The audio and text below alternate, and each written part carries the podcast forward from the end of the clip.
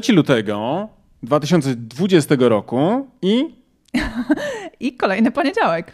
I wraz z poniedziałkiem marketingowe newsy tygodnia w ramach programu Wyższy Poziom Marketingu. Dzisiaj mamy dla Was bardzo ciekawe wydarzenia, które przyciągnęły uwagę naszą w tym tygodniu. Mhm. Mamy polecenie dla Was e, pewnego wydarzenia już w marcu. Ale też i mamy Wam do polecenia na końcu tego, na końcu tego odcinka znakomitą książkę, od której nie mogę tym razem oderwać mojej żony. Zatem bądźcie z nami, bo będzie bardzo, bardzo ciekawie.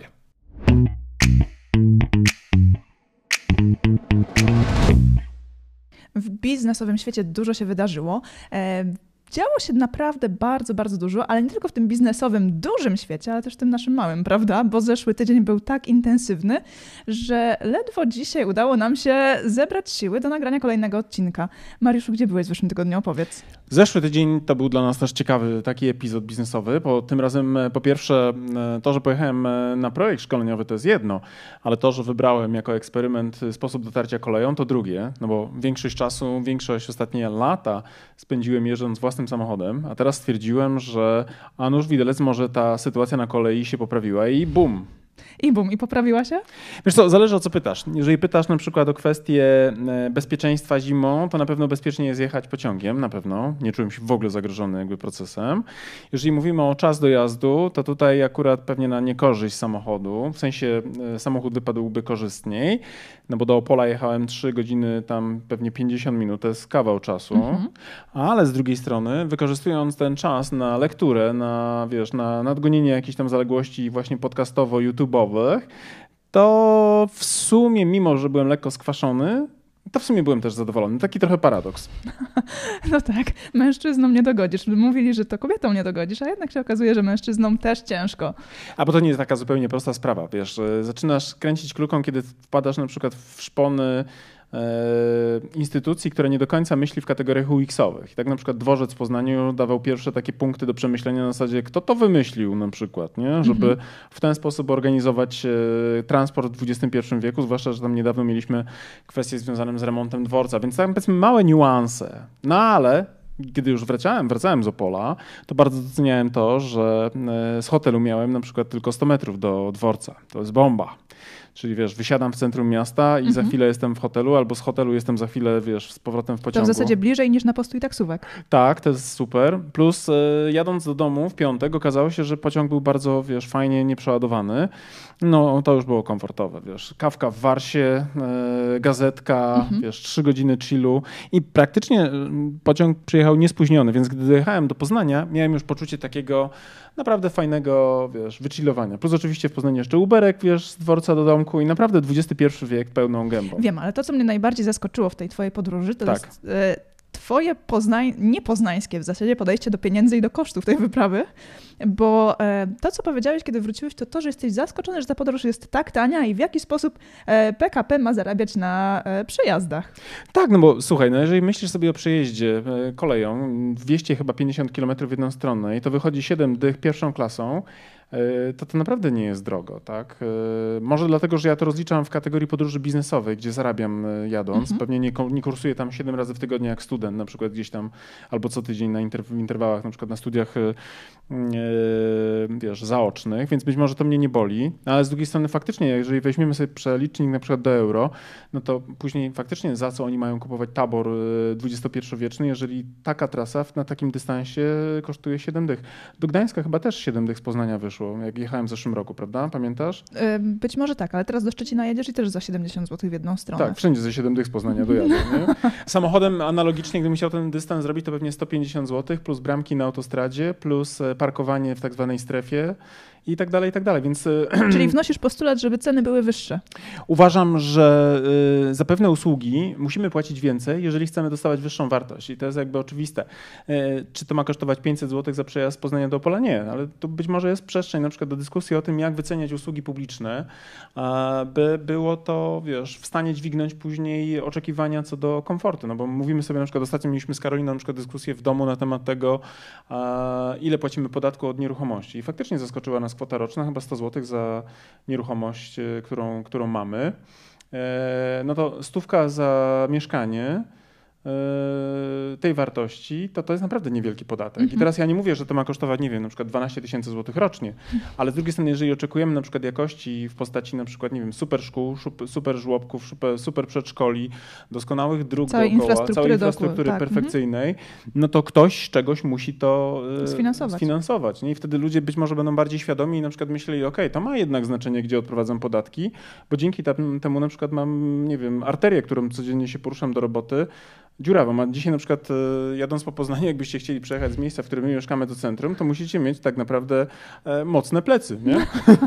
Dziura go nie dziurę, Samochód nie? terenowy. Albo samochód terenowy, nie?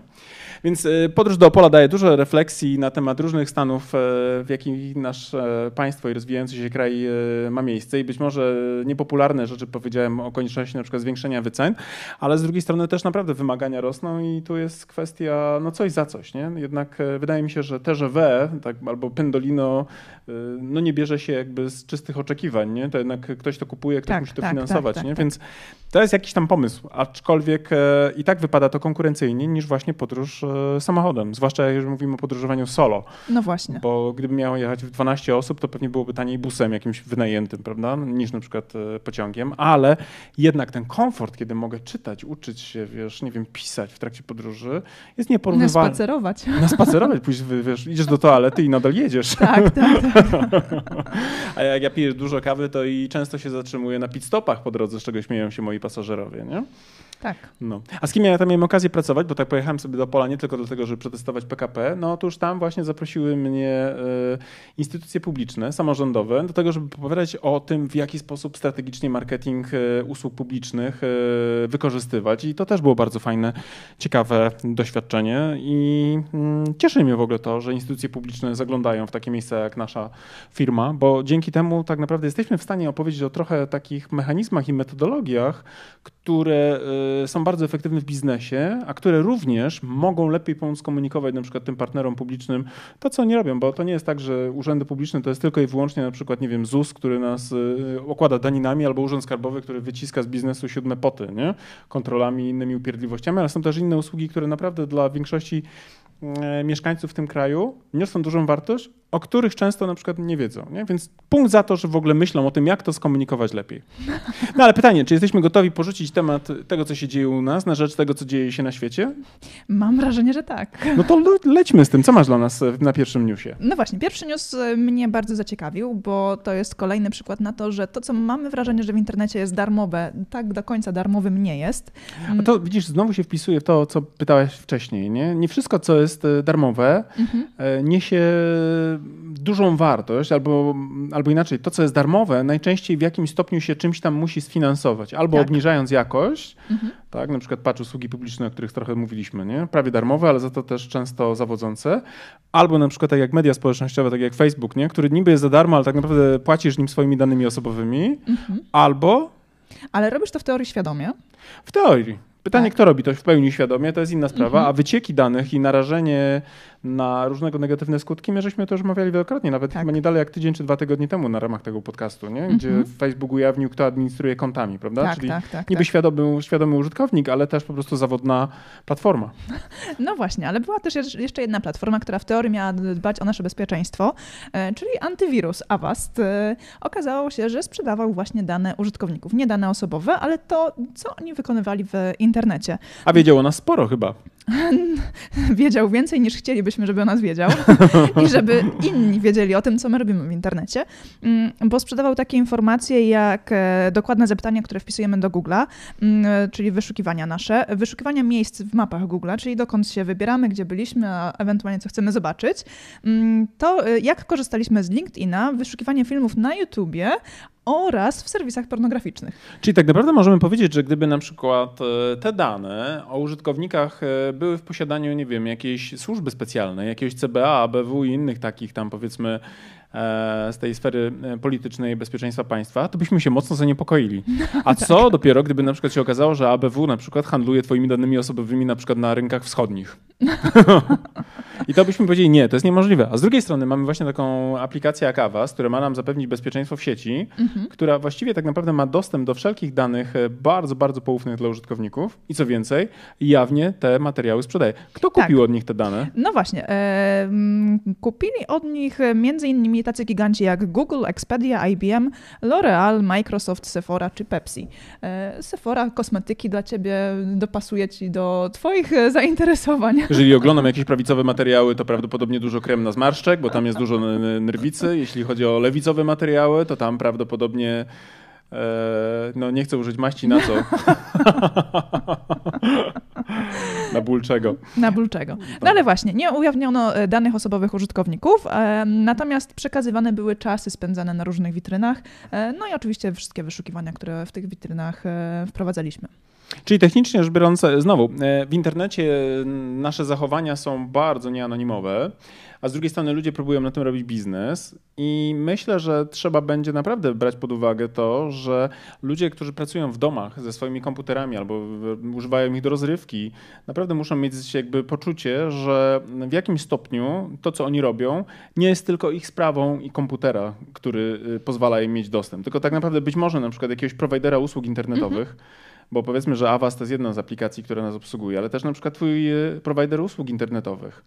Ostatnio była informacja a propos pornografii, o której tutaj mówiłaś, że rząd rozważa E, filtry takie, wiesz, rodzicielskie, które będą na przykład nakładane na e, IP, czyli mhm. krótko mówiąc, jeżeli chcesz mieć odblokowaną pornografię, to musisz pójść do swojego I operatora. I przez zalogować. Tak, i e, zdeklarować po prostu zwyczajnie, że ty chcesz mieć dostęp do tych i do tych kanałów, po prostu zwyczajnie mhm. musisz jakby taką aplikację wykonać, nie?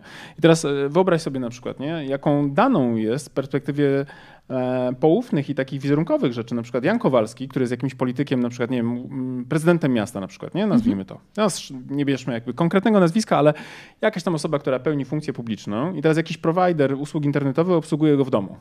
Po NIP-ie na przykład widzi, że tam po, po PESEL-u widzi, że to jest dokładnie to samo nazwisko. I teraz na przykład tam pracuje ktoś, kto go nie lubi, ma odmienną opcję polityczną i on na przykład idzie do, przeciw, do, do gazety, która jest przeciwnikiem politycznym tego dziennikarza i mówi, słuchajcie, to są logi pana Kowalskiego y, i logował się tak, tak, tak, plus lubi jeszcze w tej konstelacji i być może nie przyszło do głowy, że lubi również tak. Co wy na to, jakbyśmy ujawnili to za na przykład 50 zł, albo po prostu zwyczajnie dlatego, że go nienawidzę. Co wy na to? Nie?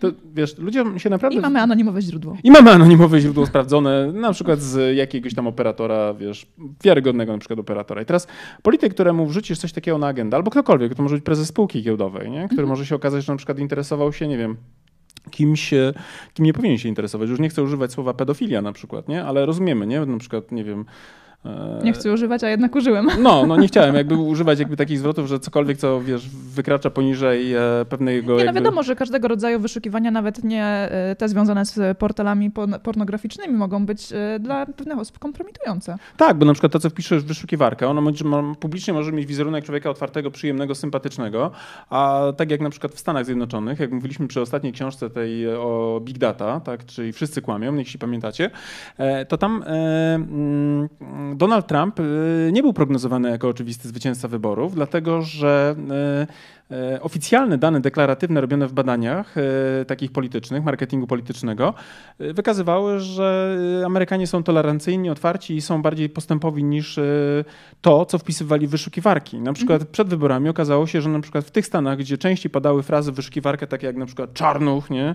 albo gdzie na przykład w pierwszej kolejności ktoś na przykład używał do poszukiwania jakichś informacji na temat, czy Donald Trump versus Clinton, to okazało się, że tam właśnie na przykład ta wyszukiwarkowa trafność co do wyborów była wyższa niż e, specjalistycznych badań. Nie? Czyli krótko mówiąc, w wyszukiwarkach jesteśmy bardziej e, szczerzy, e, bardziej transparentni, bo tam nie myślimy w kategorii chociażby takiego jednostkowego, na przykład zaimponowania jakiemuś e, ankieterowi, nie? bo jak na przykład jest jakieś badanie na przykład e, indywidualne, face to face z jakimś ankieterem, no to jak on się pyta, pani Karolino, Nawet czy jest pani zabiciem na przykład e, własnych dzieci, to co pani odpowiada?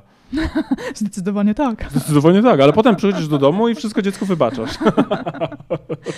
Nie, ale nawet w anonimowych e, często udzielając odpowiedzi ludzie mają ochotę być postrzegani nawet sami przez siebie lepiej, dlatego swoje tak, tak wyniki tak, tak. troszeczkę mm, koloryzują.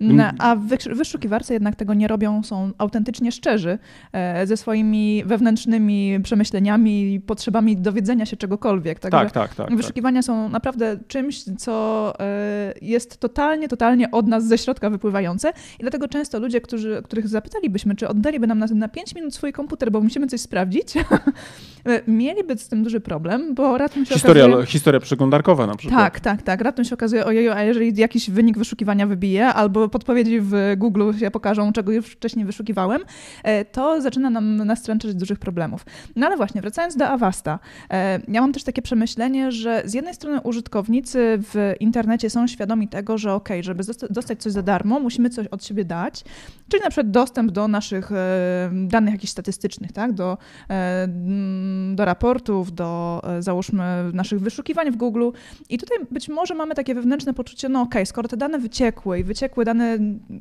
tysięcy czy milionów użytkowników, którzy robili pewne rzeczy, na tej podstawie możemy mieć lepiej targetowane do nas reklamy, nie wyciekły nasze dane osobowe, więc nikt nie zidentyfikuje, że ja jako, nie wiem, Karolina Kowalska robiłam to, to i tamto, no to ok, jestem bezpieczna. Ale z drugiej strony, na początku tej informacji nie mieliśmy. Mhm. Nie mieliśmy informacji od e, operatora, że ok, to my będziemy pobierać takie dane i udostępniać je osobom trzecim e, i ty musisz na to wyrazić zgodę. Tutaj tego nie było, e, bo gdybyśmy, gdyby tak było, to moglibyśmy się na to zgodzić. A w takiej sytuacji mamy również ryzyko, że kolejnym razem mogą wypłynąć nasze, nawet nasze dane osobowe przy rejestracji na przykład konta na A skoro mają produktu. dostęp do wszystkich rzeczy, bo powiedzmy mhm. te programy antywirusowe dość głęboko ingerują w strukturę jakby systemu operacyjnego, no to przecież równie dobrze mogą mieć twoje dane kart kredytowych i innych takich takich rzeczy. Nie? Mhm. Więc y, tutaj y, robi się coraz ciekawiej, jeśli chodzi o kwestie bezpieczeństwa. Tak. Y, myślę, że każdy z nas, który gdzieś tam funkcjonuje w świecie cyfrowym, będzie musiał sobie zdawać sprawę. Po pierwsze, a nie ma czegoś takiego jak prywatność, a to, że dzisiaj na przykład jego zachowania, które on uważa za anonimowe, E, takie być może są, w sensie takim, że nikomu nie chciało się wziąć go na, e, wiesz, na, na cel ataku, mhm. ale tak naprawdę dzięki temu, jaka, jak się ta technologia rozwija, to może się okazać na przykład, że w perspektywie 10 lat będą jakieś wyspecjalizowane firmy, nie muszą być jakieś wielkie na przykład e, mafie, ale wyspecjalizowane firmy, które będą robiły wywiad gospodarczy na temat jakichś konkretnych osób i będą zbierały takie dane, które pozwolą sprofilować rzeczy, które będą naprawdę bardzo, bardzo intymne. Nie? Czyli na przykład tak. porzucą jakiś właśnie złośliwy software do routera na przykład, y, do chaty i będą śledziły wszystkie na przykład rzeczy, nie? Tak jak mówiliśmy ostatnio na podcaście, ostatnio albo dwa tygodnie temu o tym, że y, Jeff Bezos skumplował tak, się tak, z królem tak. Arabii Saudyjskiej. To chyba tydzień temu. Mhm. A ten go zainfekował jego smartfona y, wirusem przez Whatsappa tej izraelskiej firmy, która dostarczała oprogramowanie dla służb, specjalnych Pegasus, nie? Mhm. Więc no po prostu zwyczajnie, nawet jeżeli Jeff Bezos jest w stanie być poddany skutecznie poddany inwigilacji, a on przecież ma pewnie jakiś dział, który możemy porównać do, wiesz, e, takiego kontrwywiadu, nie? No tak. ja sobie nie wyobrażam na przykład, że Bezos na przykład po prostu funkcjonuje sobie tak jak zwykły Kowalski, na zasadzie chodzi gdzie chce, kiedy chce, e, nikt nie czuwa nad, wiesz, nad cyberbezpieczeństwem, ale też i fizycznie, nie? Mhm. To jest raczej przy, przykład osoby, który podejrzewam, że mniej więcej poziom bezpieczeństwa, takiego security na co dzień funkcjonującego, w to otoczeniu security, dorównuje prawdopodobnie nie jednej głowie państwa, albo nawet przewyższa, bo po prostu stać na to. Tak, nie? tak, tak, tak. Więc tak, e, niby rozmowa tylko i wyłącznie o jednej aplikacji antywirusowej, ale z drugiej strony wydaje mi się, że w perspektywie kilku, kilku, kilkunastu lat każdy z nas będzie zastanawiał się, czy przypadkiem to, co faktycznie on wyszukuje, nie będzie stanowiło kiedyś podstawy do jakiegoś, wiecie, oskarżenia. Mhm. E, był taki kiedyś film Raport Mniejszości, nie wiem, czy to kojarzysz? Tak, tak, tak. tak. Z Tomem Cruzem mhm. chyba, dość słynna wizja przyszłości, jak to policje będą funkcjonowały w ten sposób, że będą analizowały pewne rzeczy zanim się wydarzą i będą, będzie to podstawą do wydania nakazu aresztowania. No ale teraz tak naprawdę również wystarczy mieć, na przykład zaprosić sobie na przykład jakieś służby odpowiednie, wpisując jak skonstruować bombę, jak podrzucić bombę, wiesz, komuś do cyrku, nie? Albo mhm. jak zdetonować ładunek wybuchowy na stadionie bez, z dużą liczbą ofiar na przykład, nie? Tego typu wyszukiwania mogłyby bardzo szybko już dzisiaj... Lepiej uważaj na frazy, bo jeżeli niedługo algorytmy zaczną słuchać podcastów, no, to nam jeszcze ściągnie. Brand24 z tego, co pytałem, to jeszcze chyba nie monitoruje ich e, w Jeszcze nie. No. Ważne, żebyśmy tylko w opisie tego odcinka nie używali tych fraz. Okay, na ten moment, nie? Będę pamiętać. A więc pamiętajcie, y, ci, którzy nas słuchają z tych służb, nie jest celem tutaj y, zdobycie informacji, jak zdetonować bombę, tylko rozmawiamy o tym, jak to może funkcjonować czysto teoretycznie. Nie? Tak, ale mm, tak Ten jeszcze... podcast ma charakter również rozrywkowy, zatem to Zdaniem też... podsumowania na koniec musimy mieć świadomość w zasadzie, że wszystko, co zapisujemy w swoich urządzeniach komputerowych i e, nie tylko tam zostaje, ale musimy mieć świadomość tego, że Właśnie, prędzej czy później może być publiczne. Jest taka fraza, what happens in, in Vegas, stay in Vegas, nie? Mhm. Co wydarza się w Vegas, zostaje w Vegas. To chyba nie dotyczy komputerów. Ani też telefonów komórkowych. Ani telefonów komórkowych, tak, tak. tak, więc po prostu musimy mieć świadomość tego, że cokolwiek zapisujemy na naszych urządzeniach elektronicznych, prędzej czy później może trafić w niepowołane, w niepowołane ręce, więc powinniśmy kontrolować to, co znajduje się na naszym Trochę was schizujemy, ale z drugiej strony my byliśmy okradzeni już w zeszłym roku właśnie pierwszy raz. Nasza karta kredytowa, numery karty zostały skradzione i od tamtej pory... Y, Dwa lata wcześniej albo trzy miałeś zablokowany komputer, Tak, pamiętasz? ktoś włamał się do mojego iClouda, zablokował mhm. mi komputery. Na szczęście udało się to w jakimś dziwnym stopniu to chyba ustąpiło samo, to musiał być jakiś wirus. Ja nie wiem dokładnie, jak to się stało. Czy... Nie no, w serwisie przecież. W serwisie odblokowali tak, komputer, tak, nie? Tak, Bo sam, sam telefon mi się chyba odblokował sam, mhm. a komputer musiał być do serwisu zawieziony tak. i odblokowali dane, nie? Mhm. Ale mamy lekką schizę, natomiast technicznie rzecz biorąc uważamy, że lepiej chuchać na zimne niż e, później e, gorzko tego żałować. Dokładnie. A, a propos e, chuchania i dmuchania, jak się czujesz dzisiaj? Wyjątkowo dobrze. To bardzo dobrze. A powiedz mi, jak ten drugi news a propos tych, co nie czują się dobrze dzisiaj? A propos drugi news, czyli znowu koronawirus na tapecie. Tak. E, ja ostatnio widziałam takiego mema e, odnośnie fundowania wycieczek swoim teściowym, że zazwyczaj zięciowie... Pekin teraz jest destynacja numer jeden? tak. Kłopotliwa teściowa? Y, Pekin One Way od 120 zł. Dokładnie, tak. w, klasie, w klasie wirusowej. Kichający Chińczyk witający w drzwiach. No ale zobacz, jak nam tematy ładnie, ładnie przepływają z antywirusa do wirusa. Ja ostatnio z kolei widziałem takiego, taki post jednego z um, internautów, który mówił, że ma pomysł na e, mm, wiesz, taki wykręt, taką wkrętkę, -hmm. wkrętkę tygodnia, wsiąść na przykład do jakiejś windy, nie? w jakimś zatłoczonym biurowcu, kichać i prychać cały czas i narzekać na jetlag e, wynikający z długiego lotu z Chin. urocze. Urocze, urocze, urocze. Te żarty są e, zabawne, póki tak naprawdę u nas jeszcze nie ma problemów, ale wyobraź sobie, że na przykład e, taka panika jak w Chinach i taki stopień paraliżu jak w Chinach dotyczyłby na przykład Europy, bo to już jest faktem, prawda? Bo w Chinach już tak. nie ma przelewek. Mm -hmm, no nie ma przelewek, tym bardziej, że coraz więcej firm decyduje się na zamknięcia swoich, swoich fabryk czy też oddziałów sprzedaży. Samo Wuhan to miejsce, gdzie ta epidemia się rozpoczęła. Ono liczy podobno między 10 a 14 milionów mieszkańców, jeśli dobrze pamiętam. Tak. E, zostało praktycznie poddane całej kwarantannie i tam nie ma wejścia i wyjścia stamtąd. Wyobrażasz sobie? 14-milionowe miasto, czy tam 10, to tak czy siak mhm. jest ogromna liczba. E, I jak wymarłe, jak po bombie takiej, wiesz, e, neutronowej, jak z tych filmów takich katastroficznych, nie? Czyli wiesz, puste, bez, bez, bez ludzi, bez, bez niczego. Bo ludzie się wołają w ogóle tak, wychodzić z domu, wychodzić, nie? Mhm, chodzić tak. do pracy gdziekolwiek. Tak. No i właśnie e, ten koronawirus z Wuhan może kosztować gospodarkę Chin nawet 60 milionów dolarów. Miliardów. Tym, miliardów, tak, przepraszam, e, w tym kwartale. To jest gigant. To jest lat. Mówimy tutaj na przykład w kontekście wojny handlowej, o której była mowa wcześniej -hmm. Donalda Trumpa.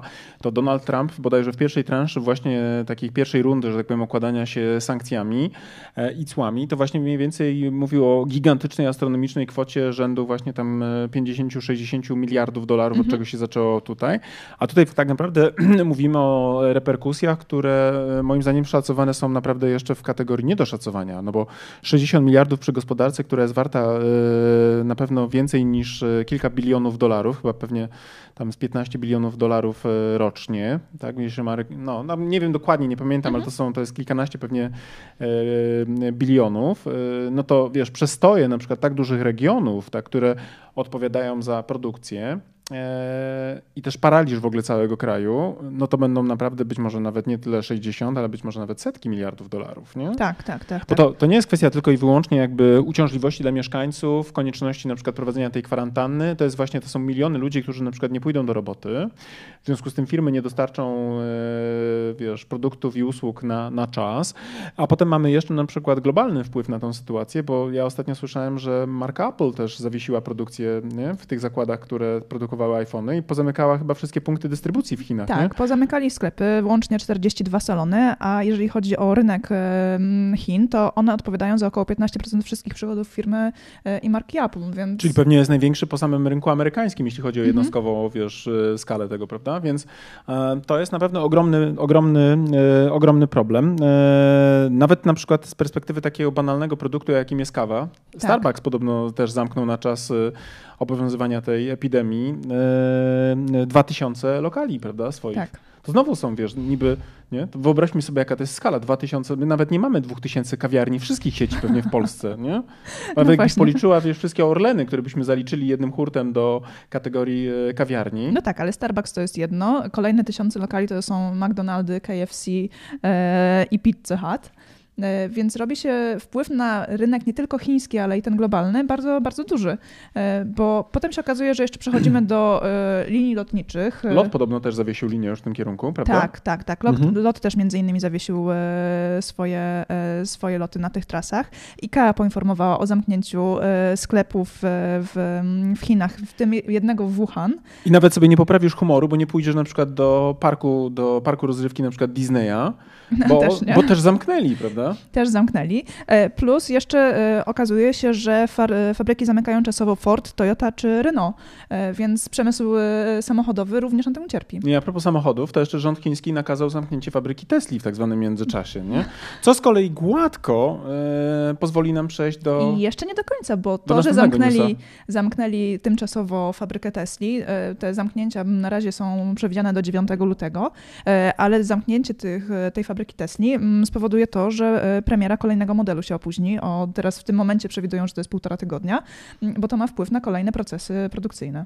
To na pewno, bo wiadomo, ta fabryka w Chinach, w Szanghaju to jest e, gigafakty e, fabryka, a z drugiej strony też będzie miało to na pewno wpływ na to, jak w ogóle marki, które powiedzmy, powiedzmy abstrahując od Tesli, ale te wszystkie właśnie pozamykane firmy, te pozamykane kawiarnie, jak w ogóle całe społeczeństwo, wiesz, zamrze w takim delikatnym, mhm. delikatnym, to nawet pewnie nie jest delikatne, słowo to nie delikatne, to jest, to jest właściwie zatrzymanie praktycznie. Tak.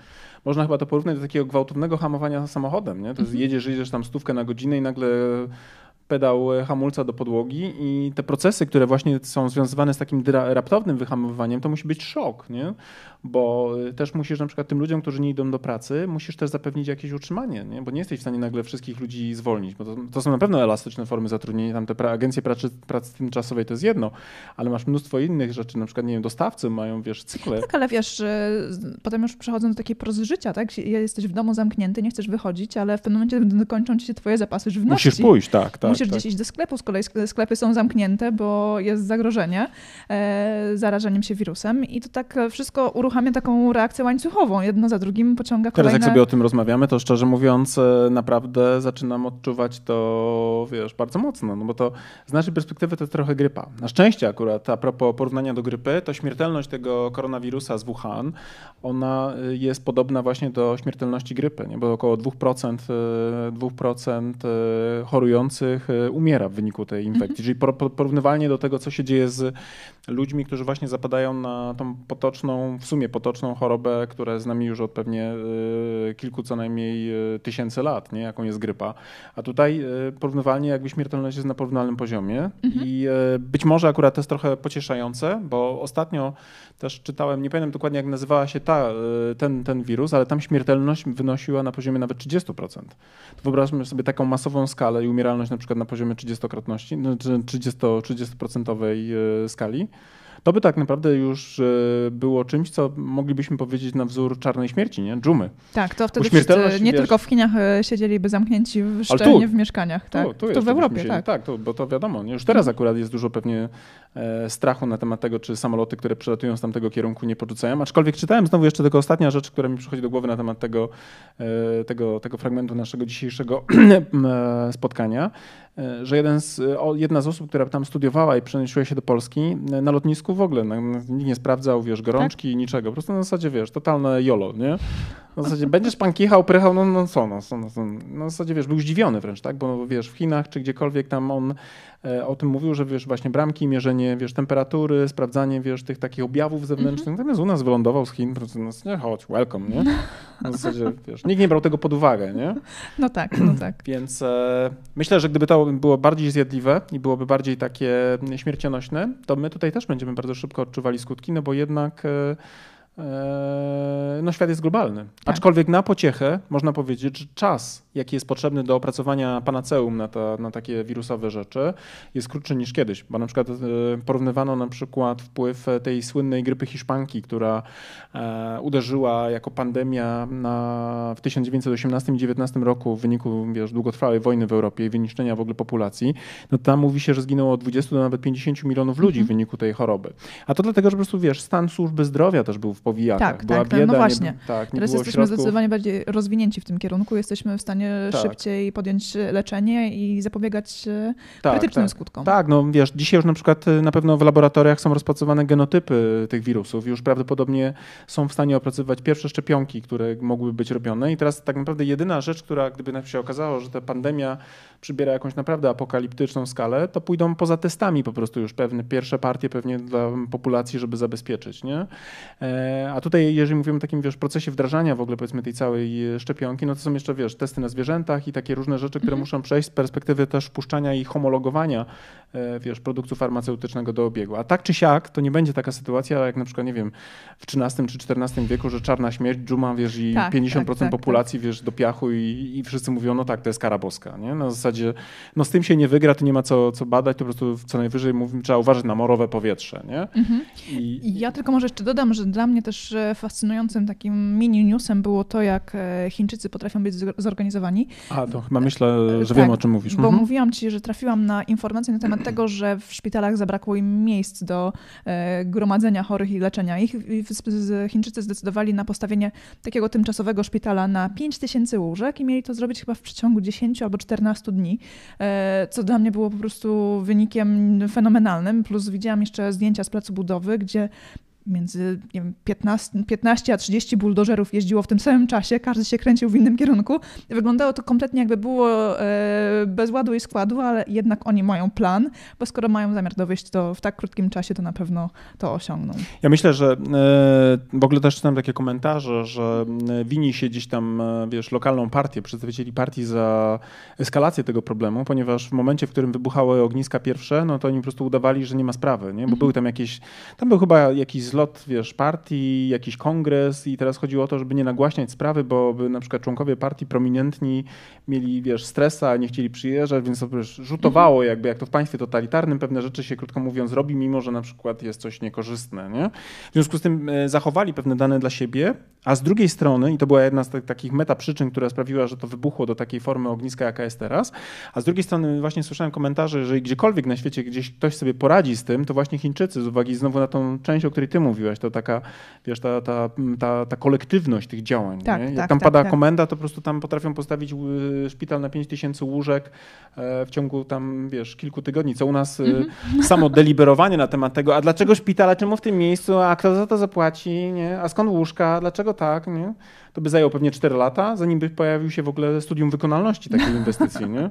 tak. No, to znamy jakby to z perspektywy jakby tutaj e, polskiej, jak to, wiesz, potrafimy budować ścieżkę osiedlową na przykład przez 13 lat, nie? E, a propos projektowania tej przestrzeni publicznej i wszystkich rzeczy, które w, te, w, tam, w tą przestrzeń trzeba ulokować jako usługi publiczne. Nie? Tak. Bo śmiejemy się, ale ostatnio nam wybudowali e, pod domem przystanek tramwajowy 200 metrów od poprzedniego. Poprzedni miał być zamknięty, ale jak to logika pokazuje, skoro już jest, to niech działa, to niech, niech zarabia. działa, niech zarabia. Nie? 200 metrów od siebie, słuchajcie, obok dwa przystanki tramwajowe. Nie? Teraz wyobraźcie sobie, wybucha coś takiego i ci mistrzowie projektowania przestrzeni i w ogóle zarządzania kryzysowego. Ja nawet nie wiem, czy to jest 200 czy 150 metrów. To może być nawet 150, nie? Nagle by zostali poddani takim wyzwaniom, nie? Na zasadzie, jak ulokować... E, no dobrze, ale może już e, nie narzekajmy na nasze sposoby zarządzania. żeby nas krew nie zalała. No właśnie, bo tak e, trochę pozytywów może wynieśmy, co? To może z pozytywnych informacji opowiedzmy o czym? Mam wrażenie, że chciałeś jeszcze mówić o Tesli, bo mieliśmy zakończyć poprzednie z Teslą i, i zamkniętymi fabrykami. No, a ty miałeś jakieś fascynujące informacje. No tak, bo Tesla też jest bardzo ciekawym case'em. Tutaj akurat Tesla gości już w tym roku ze trzeci raz albo czwarty może nawet. Dlaczego? Dlatego, że e, mieliśmy okazję obserwować w zeszły czwartek i piątek znowu erupcję popularności tego waloru na giełdzie. Otóż okazało się, że e, Tesla podała wyniki finansowe za czwarty kwartał 2019 roku i podała pierwszy raz bodajże w swojej historii, że zarobiła pieniądze bodajże na poziomie 105 milionów dolarów, czym zaskoczyła zaskoczyła analityków i inwestorów, mhm. co spowodowało, jak widzicie teraz na tym screenie, kolejny wystrzał e, wyceny e, kapitalizacji giełdowej tejże spółki do nienotowanej wcześniej kwoty bodajże ponad 650 dolarów za akcję, co przekłada się mniej więcej na wartość tej spółki giełdową, jak dobrze pamiętam, 117 miliardów dolarów. A jak jeszcze rozmawialiśmy na początku stycznia, pamiętasz w pierwszych tych newsach, że urosła 24% tak, tak, tak, w, ciągu, w ciągu zaledwie tam paru tygodni przebijając Dow Jonesa mhm. tam wielokrotnie, i wtedy była kwota rzędu właśnie tam 98 bodajże miliardów dolarów e, kapitalizacja. A teraz jest 17 miliardów więcej. Nie? To jest naprawdę niesamowite. W ciągu zaledwie paru tygodni. Nie? No ten wykres jest imponujący, bo wygląda jak e, taka pionowa ścianka wspinaczkowa. Wiesz co, jak patrzę w ogóle na wykresy wszystkich spółek technologicznych z tej grupy tam e, najbardziej takich topowych, czyli te, tego fanga, nie? czyli mhm. na przykład nie wiem, Facebooka, Amazona, Apple'a, Netflixa czy Google'a, to one wszystkie mają mniej więcej podobne wykresy. Nie? Te spółki technologiczne generalnie rzecz biorąc są kochane przez inwestorów dlatego że one są w takiej forpoczcie postępu, plus mają naprawdę opanowane e, te najbardziej takie przyszłościowe segmenty, czyli krótko mówiąc operują w obrębie technologii. Natomiast to, w jaki sposób Tesla ostatnimi czasy przeskoczyła od takiego pariasa giełdowego jeszcze rok temu do takiego czempiona, gdzie powoli zaczynają być, wiesz, pewnie mhm. studia kierunki studiów robione pod kątem, e, wiesz, e, ewaluacji giełdowej, jak prowadzić na przykład, nie wiem, długookresową politykę, żeby e, na przykład prowadzić do zwiększenia właśnie wartości przedsiębiorstwa, to pewnie Tesla już dzisiaj będzie takim must have'em, wiesz, każdej, każdej uczelni biznesowej, nie? I to jest coś też na pewno niesamowitego. Więc Tesla daje nam do, do, do myślenia, a z drugiej strony też myślę, że Tesla no, naprawdę ma dobre przed sobą lata, ponieważ to jest e, taki rodzaj e, brandu, który nie spełnia tylko jednej funkcji. To jest auto, które ma możliwości, czy też producent E, czy brand ma możliwości tak naprawdę zaspokajania szeregu bardzo istotnych potrzeb, czyli na przykład elektryczny napęd to jest oczywista kwestia, mhm. prawda? czyli ta ekologiczność plus super software, który możesz aktualizować, wiadomo, ale z drugiej strony też na przykład to, że są bardzo zaawansowani w produkcji baterii, prawda? bo mają te gigafaktory, jeśli chodzi o producent, e, produ produkcję e, baterii, w czym bodajże chyba zaczynają przodować, jak nie już przodują, to albo być może mają ambicje przodowania na świecie, plus jeszcze w tym wszystkim, kiedy na przykład weźmiemy o sytuację, w której e, ludzie, ludzie zarzucali na przykład Tesli, że nie dowozi estymowanych i obiecywanych na przykład wolumenów e, mhm. dostarczanych pro, pro, produktów, to okazało się, że Tesla wreszcie zaczął produkować w skali, o której mówił, bo już na poziomie bodajże 2019 roku, nie pamiętam dokładnie, ale to było tam na poziomie od 360 tam do 450 bodajże tysięcy e, samochodów byli w stanie sprzedać. A dawniej mieli w ogóle problem z tym, żeby sprzedać 5 tysięcy samochodów tygodniowo, nie? Na zasadzie takiej, wiesz, tam wszystko im nie, nie, nie spinało, nie?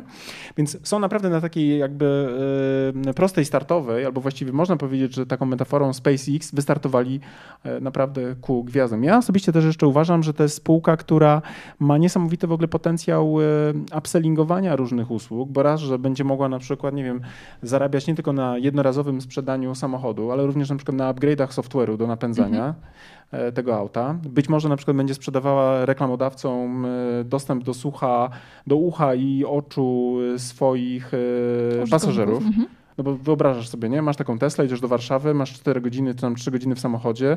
Y, Netflix musi zapłacić za dostęp do oglądającego. Nie wiem, Amazon, albo na przykład Disney, albo, albo YouTube na przykład. Chcesz mieć YouTube'a? Proszę bardzo, ale YouTube, żeby mieć tutaj dostęp do takiego ekskluzywnego grona, a może dzięki temu na przykład lepiej targetować reklamę, nie? Do ludzi na no przykład... No tak, bo posiadacze Tesla to jest zupełnie inny segment. Tak, tak. I możesz bardzo fajnie profilować, nie? Więc technicznie tak naprawdę ja zaczynam rozumieć, dlaczego analitycy kochają i inwestorzy kochają te walory i absolutnie absolutnie y, przy takim tempie rozwoju, jeżeli uda im się zeskalować te rzeczy, w sensie otwierać kolejne gigafaktory i dostarczać produkty, których ludzie będą e, kochali, to tutaj ta firma będzie miała naprawdę dużą przyszłość. Plus, jako ciekawostkę mogę Wam powiedzieć, że mm, Tesla oczywiście nie ma samych wyznawców, ma oczywiście też grono ludzi, którzy tylko czekają na potknięcie tej marki. I tak na przykład, y, y, na przykład na samej giełdzie są tacy ludzie, którzy grają na tak zwane spadki danego waloru, czyli zakładają się, można powiedzieć w wielkim uproszczeniu, że dane spółki akcji w jakimś tam okresie czasu y, spadną o tyle, o i tyle. Mhm. I teraz Tesla poprzez te bardzo silne wzrosty w zeszłym tygodniu, tych ludzi, którzy obstawili właśnie spadek wartości marki na giełdzie, e, bardzo mocno się rozczarowali i stracili nawet prawie 6 miliardów dolarów, bo tyle pieniędzy mniej więcej musieli e, poświęcić, wypłacając, krótko mówiąc, wiesz, przegrane zakłady. Nie? Mhm. Krótko mówiąc, grali na tak zwanych futuresach bodajże, tak to się chyba mówi. I przerżnęli pieniądze. Więc tak, no, tak naprawdę jakby wiesz, są dzisiaj w takiej pasie, że nawet specjaliści nie są w stanie, wiesz, którzy śledzą tam i czekają no tak, na bo ten wykres jest naprawdę nieprawdopodobny i ma się takie wrażenie, że no w końcu musi się coś zmienić w tej sytuacji. Tak, bo nie wszystko, wszystko zawsze będzie rosnę, e, rosło. Natomiast ja tutaj myślę sobie o naprawdę perspektywicznie tej, tej marce i ona wykonała bardzo dużą robotę i wydaje mi się, że jest naprawdę na takim, bym powiedział, okresie, który być może za rok, jak będziemy rozmawiali, to na przykład wycena biliona dolarów e, wcale nie będzie jakimś tam, wiesz, wielkim zaskoczeniem, no bo ta spółka naprawdę ma podstawę. To jest super technologia, mhm. znakomite wizjonerskie przywództwo plus e, skala operacyjna przedsiębiorstwa umożliwiająca dostarczanie produktów liczonych w setkach tysięcy, jak nie milionach sztuk. Nie? No wyobraźmy sobie, co będzie, kiedy na przykład ta, ta, ta fabryka na przykład jeszcze pod Berlinem tutaj odpali, tak, nie? Tak, tak, Jak ona tak, będzie tak. tu dostarczała na przykład, nie wiem, 200, 300, 400 tysięcy, wiesz, pojazdów e, rocznie, a potem na przykład druga będzie, nie wiem, na przykład pod Kijowem na przykład, nie? Gdzieś, rozumiemy, nie? Więc e, ciekawy, ciekawy temat i będziemy na pewno do niego wracali, bo Tesla wchodzi e, nie tylko w kategorię jakby ciekawe ciekawostki, gadżety, ale tak naprawdę bym powiedział mainstream e, i zainteresowania takie, które będą miały charakter no, zmieniający świat i sposób, w jaki my jako ludzie funkcjonujemy w tymże świecie za pomocą pomocą y, narzędzi, takimi jak na przykład auto, a to ma naprawdę ogromny, ogromny y, wymiar. No i co jeszcze teraz moglibyśmy powiedzieć? E, I co jeszcze? Z newsów do, dotarliśmy do końca, ale na koniec mamy jeszcze polecenie dla Was e, ciekawej książki. Ja w tym tygodniu zajmę się poleceniem, bo jestem w trakcie lektury zakulisowych umów, które zmieniły świat. E, Jacques Peretti, mam, na, mam wrażenie, że dobrze wymawiam, aczkolwiek jeżeli... Jacques. Jacques? Jacques, nie wiem. Jacques? Jacques? Nie wiem. No dobrze, mamy, mamy pecha Peretti. do francuskojęzycznych autorów ostatnio gdzie nie jesteśmy pewni, jak wymawiać nazwisko. Jeśli jesteś Jacquesem albo Jackiem, to daj nam znać w komentarzu. W każdym razie pan Peretti. Peretti. E, e, Jakub. Jakub, Jakub, tak. E, wydał, znaczy napisał bardzo, bardzo interesującą książkę, od której ja nie mogę się oderwać i w zasadzie w każdej wolnej chwili staram się po kilka stron chociaż przeczytać. I mam wrażenie, że ona będzie dla nas takim źródłem wielu ciekawych case'ów biznesowych. Mhm bo ta książka zdradza tak naprawdę e, tajniki tego, jak w świecie biznesu, e, szeroko pojętego, bo e, związanego i z produkcją, i z gospodarką, i z bankowością, i z dietetyką, z lekami, farmacją, jak w, tym, w tych właśnie różnych branżach i światach biznesowych ludzie podejmowali na początku ich funkcjonowania pewne decyzje, które wpłynęły na cały wygląd właśnie tego, jak dzisiejszy świat wygląda. Dla mnie Czyli jest to prawda, że są takie jakieś e, gremia, które podejmują za naszymi plecami bardzo kluczowe dla nas decyzje? E, można tak właśnie powiedzieć, że tak to wyglądało. E, między innymi jest taki ciekawy temat postarzania produktów i mhm. wprowadzania mhm. nowości na rynek. E, to już jest w pierwszym rozdziale, więc daleko tego szukać nie trzeba w pierwszym rozdziale tej książki. E, wielu użytkowników ma takie poczucie, że niektóre produkty faktycznie mają określony termin swojej użyteczności i zwłaszcza produktów e, technologicznych, które raptem okres gwarancji się kończy i produkt jest potrzebny do wymiany, bo się zepsuł. No i ta książka zdradza tajniki, że faktycznie ktoś kiedyś o tym pomyślał i że e, trzeba jakoś wymusić na użytkowników u nich potrzebę wymiany produktów wcześniej, niż oni sami by tego zdecydowali. Ale też mi bardzo ciekawe wydawało się to, co powiedziałaś na temat e, tego e, lobby pchającego nas w stronę pieniędzy cyfrowych.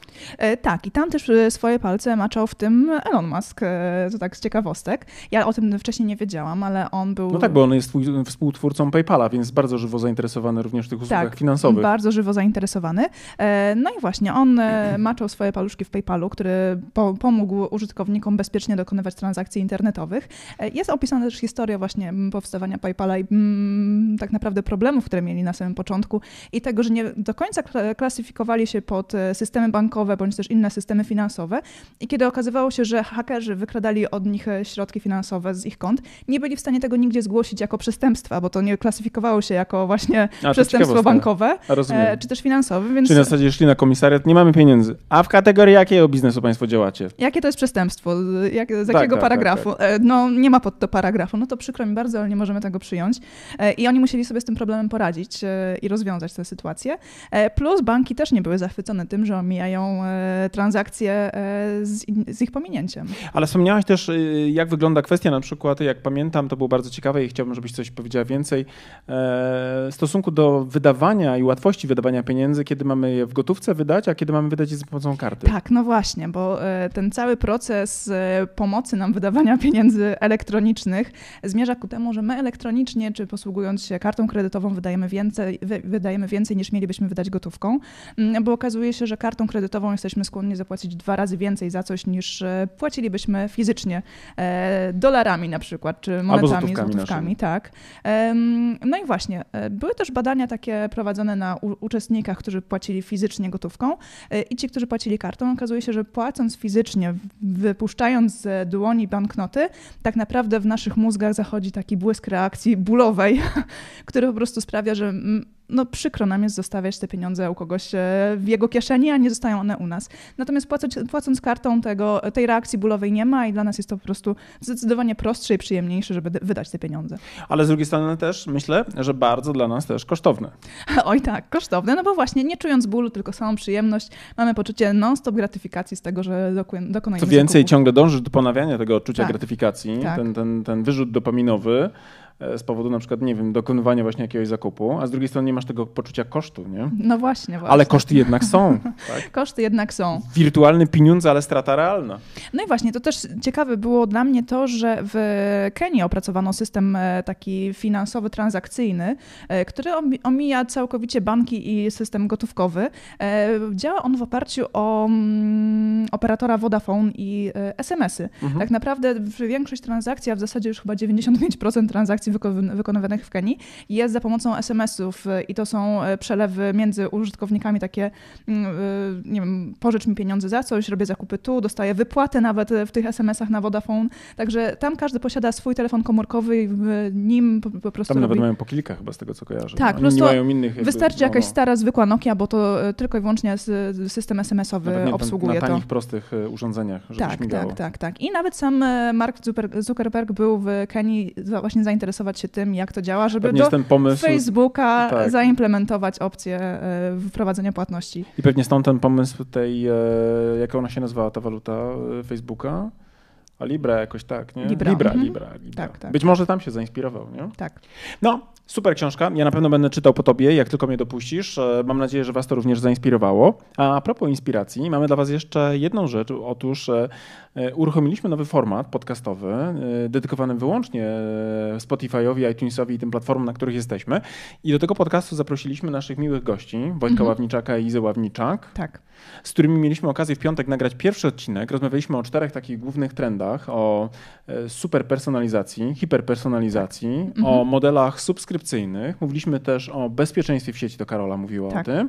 A ja mówiłem oczywiście o medializacji, czyli o tej konieczności stawania się firmą medialną.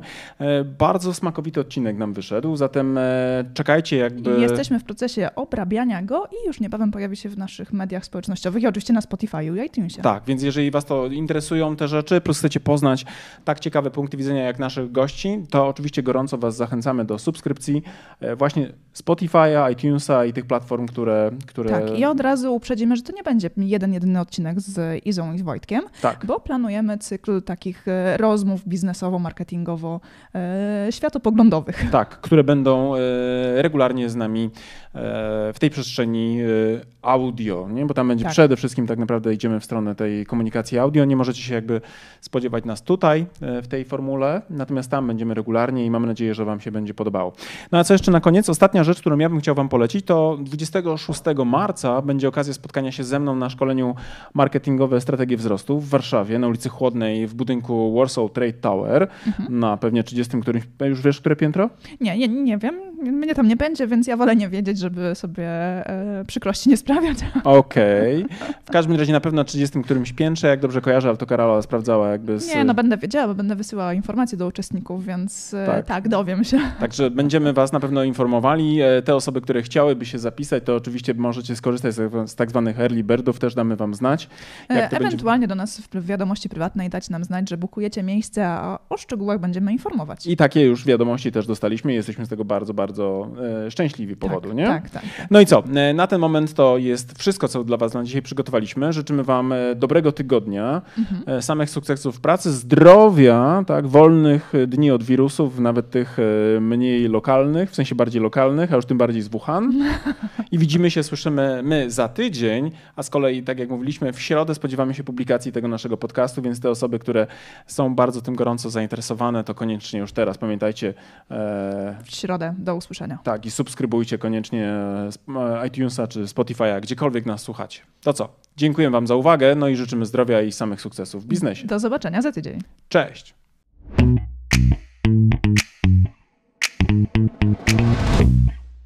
No dobra, to na tyle w dzisiejszym odcinku wyższego poziomu marketingu. A teraz pozwólcie, drodzy słuchacze, że powiemy Wam, dlaczego warto pójść na następny poziom, czyli skorzystać z naszego kursu ABC Strategii Marki. Tak, bo jak wiecie, to po pierwsze macie już do niego kod rabatowy 15%, a po drugie ten kurs i wiedza z niego pozwoli Wam wejść na wyższy poziom marketingu z Waszą marką i dzięki niemu opracować strategię dla Waszej marki. I to jest oczywista oczywistość, prawda? Tego byśmy nawet nie musieli mówić, gdyż już na pewno wiecie. Natomiast to, co nie jest pewnie dla Was jasne, to to, z jakich elementów składa się ten kurs, prawda? Pierwszy taki, najważniejszy, od którego zawsze wychodzimy, który, uwaga, jest najmniej pewnie spektakularny, no bo wiąże się przede wszystkim z tą robotą w okopach, czyli analizą, prawda? To jest ten pierwszy obszar, który jest naprawdę niezwykle istotny. Dzięki naszemu kursowi APC Strategii Marki będziecie wiedzieli, jak zrobić badanie marketingowe, które pozwoli Wam określić to, co nazywamy fachowo consumer insightem, czyli insightem konsumenckim, albo inaczej mówiąc po polsku, po prostu tak jak należy, patriotycznie, co jest potrzebą konsumenta. Tak, ale też e, ten kurs pozwoli Wam przejść do drugiego etapu, czyli etapu strategicznego i opracować strategię Waszej marki, czyli znaleźć też unikalne pozycjonowanie dla Waszej marki. No oczywiście, jak to zrobić, dowiecie się z kursu, natomiast zaręczam Wam, że ta wiedza, która jest w tym kursie przedstawiona, zdecydowanej większości z Was pozwoli naprawdę zdystansować się od Waszych konkurentów i po prostu zwyczajnie zarabiać więcej. A skoro już będziecie wiedzieli, jakie macie unikalne pozycjonowanie przyjąć dla Waszej marki, to też z, z naszym kursem kursem dowiecie się, w jaki sposób docierać do Waszych odbiorców, by w ich umysłach zbudować właśnie to odpowiednie pozycjonowanie. Będziecie wiedzieli, jak tworzyć wizerunek waszej marki, będziecie wiedzieli również, jak mierzyć postępy, a to wszystko, o czym teraz mówię, tak naprawdę zawiera się w tej części, którą my jako strategzy nazywamy strategią komunikacji marki. Także ten nasz kurs, jako jedyny chyba na rynku w Polsce, bo ja nie spotkałem jeszcze tak kompleksowego podejścia, pozwoli wam nie tylko mówić o tym, co komunikować, ale również dlaczego komunikować i do kogo, co pewnie jest najważniejsze. Oraz gdzie komunikować. Tak, i jak mierzyć oczywiście wszystkie aspekty i nie tylko te performance'owe typu kliknięcie kliknięcia w link, ale również to, co mają w umysłach i w głowach i w sercach wasi klienci. Generalnie ten kurs posiada bardzo, bardzo dużo informacji na temat tego właśnie w jaki sposób, gdzie i co komunikować. I jeżeli chcecie się dowiedzieć dokładnie, co jest zawarte w naszym kursie, to zapraszamy na naszą stronę internetową. Natomiast z mojej strony mogę wam powiedzieć, że z czystym sumieniem go polecam jako współautor, ale też jako człowiek, który bardzo często wraca merytorycznie do tego kursu, bowiem nawet dla mnie, jako do człowieka, który pracuje na co dzień, ta wiedza, którą tam zebraliśmy, jest fundamentem, do którego ja też często wracam, kiedy potrzebuję pewne rzeczy sobie przypomnieć. A jak to robię? Przede wszystkim za pomocą własnej prezentacji, bo w tym kursie nie tylko jest treść wideo, ale również macie mnóstwo bardzo wartościowych załączników, chociażby na przykład 512-stronnicowa prezentacja Ale uwaga, niech to was nie przeraża, ponieważ te slajdy są zrobione w sposób bardzo przyjemny i w taki sposób, że nie są przesycone treścią, a z drugiej strony esencjonalnie pokazują to, co jest w tej treści najważniejsze. Tak, a z tego praktycznego punktu widzenia w kursie macie również załączniki takie dodatkowe do pracy własnej, e, z którymi możecie opracować własną strategię. Jest szablon opracowania strategii marketingowej, ale też jest przykładowa strategia naszej marki. Tak jest i ta strategia pozwoli Wam nie tylko zobaczyć, jaki jest framework, na którym my pracujemy jako strategzy, ale również zobaczycie, jak to wygląda z poziomu projektowanych założeń i będziecie mogli później na przykład przejść na nasze kanały komunikacyjne, na przykład na stronę www i też zobaczyć w ogóle, jak to działa, to co my żeśmy zaplanowali, bo absolutnie, wierzcie mi, my funkcjonujemy dokładnie według tych założeń. I nie tylko na poziomie przekazu werbalnego, ale również tego wizualnego języka, który jest podstawą właśnie opracowaną na bazie tych założeń. Tak. Zatem, jeżeli chcecie dołączyć do naszego kursu, zapraszamy na naszą stronę internetową. Jeżeli jeszcze nie jesteście pewni, również zapraszamy na naszą stronę internetową, by dowiedzieć się więcej. Bo być może my was nie przekonujemy jako autorzy, bo pewnie jesteśmy trochę nieobiektywni, ale jeżeli potrzebujecie jakiegoś dodatkowego głosu, to posłuchajcie i też poczytajcie opinii ludzi, którzy wzięli w tym kursie udział, bo myślę, że oni są faktycznie najważniejsi jako prawdziwi z krwi i kości uczestnicy. A z mojej strony też powiem, że ten kurs jako narzędzie takie merytoryczne, merytoryczne naprawdę pozwoli Wam wprowadzić Wasze marki na wyższe poziomy marketingu. To Wam gwarantuję już teraz. Trzymamy za Was kciuki. Do zobaczenia. Cześć. Do zobaczenia w kursie. Cześć.